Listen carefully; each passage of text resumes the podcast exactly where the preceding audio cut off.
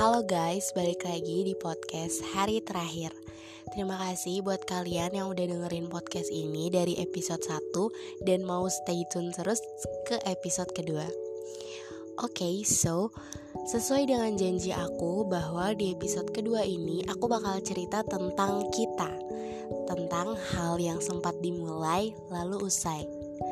Oke, okay, langsung aja ke ceritanya. Jadi, aku dan dia itu kenal dan bertemu waktu MPLS hari ketiga. Sebenarnya dari MPLS hari pertama aku sama dia tuh ada di tempat yang sama, cuman kita kayak ya belum kenal dan belum saling tahu dia tuh siapa gitu. Kenapa di MPLS ketiga aku mulai mengenal dia karena pada saat itu pembagian sertifikat dan di situ ada tanda tangan ketua OSIS. Aku baru tahu kalau ketua OSIS itu dia gitu. Hanya sekedar itu.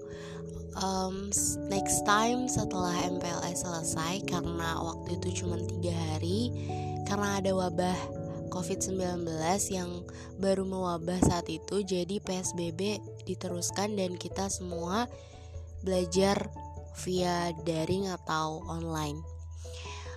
Um, di saat itu aku nggak pernah ketemu dia lagi kan sampai someday aku ikut les komputer dan di situ gurunya masih sama. Gurunya itu guru um, guru di sekolah aku juga dan sekolah aku adalah sekolah menengah kejuruan. Dan aku waktu itu masuk jurusan multimedia makanya aku ikut les komputer dan gurunya juga masih guru di bidang multimedia juga.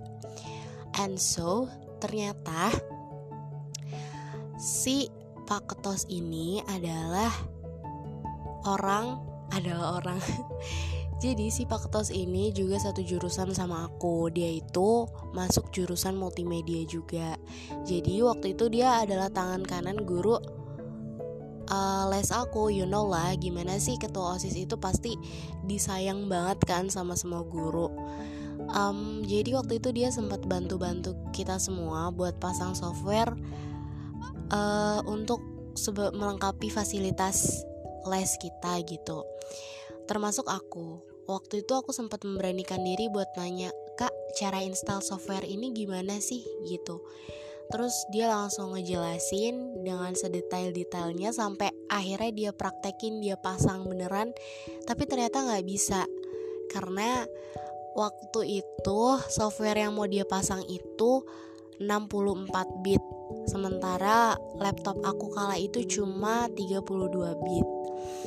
Akhirnya dia bilang ehm, nanti aku cariin file baru deh kalau mau install software itu pulangnya ekonomi-nomi aja ya katanya gitu. Terus aku aku cuman mengiyakan tanpa aku tahu sebenarnya aku bakalan ke situ apa enggak gitu. Karena udah kesorean pulang lesnya agak sore dan aku janji sama mama tuh nggak terlalu sore jadi ya udah aku langsung pulang aja gitu. Um, sampai pada akhirnya aku mikir kayak ya akhirnya software yang tadi nggak keinstal dong gitu. Nanti les hari berikutnya gimana? Akhirnya aku berusaha buat nyari tahu tentang Pak Ketos itu nyari nomor WhatsAppnya. Aku tahu dia pasti terkenal banget karena pasti banyak banget yang udah punya nomor dia. Mungkin bisa dibilang adik kelas semuanya udah punya nomor dia kali ya. Cuman aku doang yang cuek banget sama orang kayak dia gitu. Karena aku bener-bener ih ketos. Ya terus mau diapain gitu? Aku mikirnya gitu. Um, akhirnya aku minta sama salah satu murid angkatan aku yang ya dia masih kelas 10 juga. Terus aku minta uh, assalamualaikum punya nomor pak ketos nggak? Aku bilang gitu. Iya ada nih. Langsung dia kasih. Dan aku sempat ragu kan. Aku minta nomor ke dia tuh pagi kalau nggak salah pagi dan aku baru chat dia tuh malam karena aku bener-bener ragu. Oke aku deskripsiin ya tentang dia. Dia tuh sosok yang cool, cuek dan tertutup banget. Kayak ya mungkin dia bakal ngomong banyak ke orang-orang yang emang dia kenal gitu so, Ke orang-orang yang satu frekuensi sama dia gitu. Jadi kalau misalkan ke orang yang belum terlalu kenal sama dia bahkan nyapa pun dia nggak akan dia sapa gitu kalau belum terlalu dekat um, jadi aku ragunya di situ karena dia benar-benar sosok yang cuek. Aku takutnya nanti kalau di chat dia sombong song artis atau gimana gitu. Jadi aku ragu sempat mikir-mikir dulu. Sampai pada akhirnya aku membulatkan tekad buat ya udahlah chat aja gitu. Aku bilang Assalamualaikum Kak Sef Ara MM Kita terbiasa untuk menyebutkan jurusan di belakang nama karena Jadi MM tuh multimedia biar lebih tahu aja gitu tentang ini siapa kelas berapa gitu. Akhirnya di situ kita aku lupa lupa inget sih tentang percakapan awalnya. Pada intinya tuh dia kayak ngasih tahu aku gimana cara install software yang tadi tapi via virtual gitu. Jadi kayak dia ngasih tahu lewat WhatsApp aku praktekin gitu. Tapi nggak tahu kenapa tuh software nggak keinstal juga. Jadi akhirnya ya udah uh, pas hari kedua hari kedua tuh dia ngajak ketemu di nomi-nomi kata dia nanti kamu ke sini aja nanti kakak bantuin katanya gitu.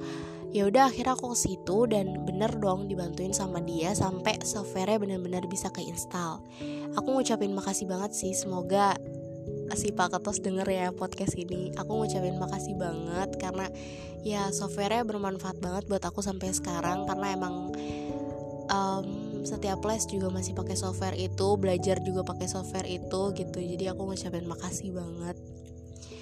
Dan sampai pada akhirnya ya udah aku pulang. Dan di situ ternyata dia masih um, chat aku gitu. Kayak dia komen SW aku dan ngedeketin aku. Di situ kita dekat dan terus mengisi ruang chat sampai tiga hari. Dan di hari keempat dia menyatakan perasaannya bahwa sejak pertama dia bertemu dengan aku tuh dia udah menjatuhkan hatinya sama aku gitu. Dan aku nggak nyangka kan seorang ketua osis yang dipandang sama banyak perempuan yang lebih cantik dari aku tapi dia malah memilih aku gitu. Aku sempat agak curiga kok bisa ya dia mencintai aku secepat itu gitu. Tapi ya aku berusaha yakin kalau dia tuh emang benar-benar tulus dan ya udah aku mengiyakan tentang perasaan dia oke? Okay? akhirnya kita menjalin relationship. Selama satu atau dua minggu aku sempat masih meragukan dia kayak masa sih dia tuh benar-benar mencintai aku? Kayak ya aku juga banyak ngetes ngetes dia juga sih. Misalkan um, tentang aku banyak-banyak nanya dia punya mantan berapa terus putus karena apa gitu-gitu sih ya. Terus di pas kita mensif first month satu bulan itu aku mulai benar-benar mencintai dia mulai kayak yakin lah ini mungkin uh, adalah dia adalah sosok yang baik dan mungkin bisa aku dan dia bisa menjalin hubungan lebih lama gitu.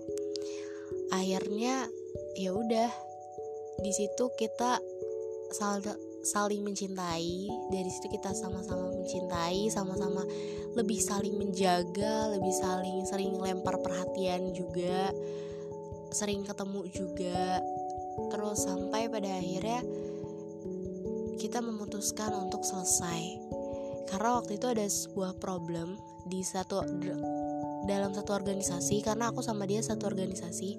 Problemnya itu bukan di dalam organisasinya eh problemnya oke okay, di dalam organisasinya tapi bukan terkait karena kita pacaran satu organisasi bukan. Tapi karena ada adalah sebuah problem yang di situ aku lebih mengedepankan ego. Jadi aku benar-benar egois banget waktu itu jujur. Aku egois banget. Dan aku bersifat kekanak-kanakan terus sempat ngancem dia juga kayak uh, ya udah kita sampai sini aja gitu jujur aku nyesel banget sama kata-kataku waktu itu tapi ya udahlah gitu kan udah udah lewat juga mau gimana lagi. Ya buat kalian jangan kayak gitu ya jangan egois. Kalian harus lebih memperhatikan situasi dan kondisi gitu. Aku nggak bisa sih cerita tentang problemnya apa karena menurut aku ini private. Aku takutnya dia juga nggak suka kalau aku cerita dan ngumbar permasalahan tentang masa lalu di podcast ini. Jadi ya udah aku private aja ya. Oke okay, dari dan karena mungkin karena itu juga dia jadi menyelesaikan hubungan atau ada juga sih sebenarnya alasan yang dia bilang kalau ternyata dia belum siap buat menjalin hubungan dengan seseorang. And then aku akhirnya mikir kayak kenapa dia baru bilang itu sekarang? Kenapa waktu itu dia menyatakan perasaannya secepat itu? Jadi kecurigaan aku di awal baru kelihatan pas aku udah menjalin relationship sama dia dan pas dia mengakhirinya gitu. Terus dia bilang kalau dia mau fokus dulu sama belajar sama apa ya sama hal-hal yang ada di depan mata dia dia mau fokus gapai semuanya dia mau fokus banggain kedua orang tuanya dan lain-lain. Jadi ya udah aku bilang oke okay, kalau emang itu yang terbaik ya ya udah. Aku sempat nahan dia juga waktu itu tapi ternyata udah nggak bisa dan akhirnya hubungan kita benar-benar selesai waktu itu. Aku nggak aku lupa lupa ingat juga sih kita ngejalin hubungan sampai berapa bulan. Yang jelas emang belum satu tahun tapi ya udahlah. Um, aku percaya kalau emang benar-benar Tuhan menakdirkan kita buat bersama lagi pasti suatu saat semesta akan menyatukan kita kembali entah dengan caranya yang bakal menemui kita dalam satu universitas atau menemui kita dalam satu ruang lingkup kerja yang sama itu kita nggak ada yang tahu. Jadi ya aku berusaha buat mengikhlaskan aja sekarang dan aku juga berusaha untuk fokus sama apa yang ada di depan mata aku apa yang harus aku gapai sama keambisiusan aku. Karena aku bener-bener wanita yang ambisius saat ini. Aku bener-bener pengen belajar banyak hal aku pengen tahu banyak hal aku pengen dapat nilai yang bagus dan aku pengen membanggakan kedua orang tua aku. Aku pengen ada di aku pengen bisa mencapai gerbang kesuksesan dan bisa memasuki gerbang itu insya Allah sih. Um oke okay, so aku udah menepati janji-janji aku kan. Aku menceritakan dari awal aku mengagumi dia sampai aku mencintai dia dan saat ini sedang berusaha mengikhlaskannya janji aku terpenuhi guys. Oke okay, so makasih banyak udah dengerin podcast aku kali ini. Semoga kalian suka dan semoga bisa membawa kalian ke dunia imajinasi Dan kalian bisa lebih bijak dalam menjalin hubungan yang saat ini menjalin hubungan Yang saat ini sedang single percaya aja Tuhan lagi menyiapkan jodoh terbaik buat kalian orang yang benar-benar bakal menda bakalan mendampingi kalian dari nol sampai kalian benar-benar sukses dan menjadi sosok terbaik dalam hidup kalian gitu. Oke okay, so I think this podcast um, tanpa naskah jadi maaf kalau kata-katanya masih agak berantakan dan um, maaf juga kalau agak nggak jelas. Yang penting kalian tahu bahwa dia adalah sosok yang aku kagumi bahkan sampai saat ini. Dan aku masih berharap kembali tapi ternyata mungkin udah nggak bisa jadi ya udah. Oke. okay, kita akhiri aja podcast kali ini. Terima kasih. See you next podcast and bye bye.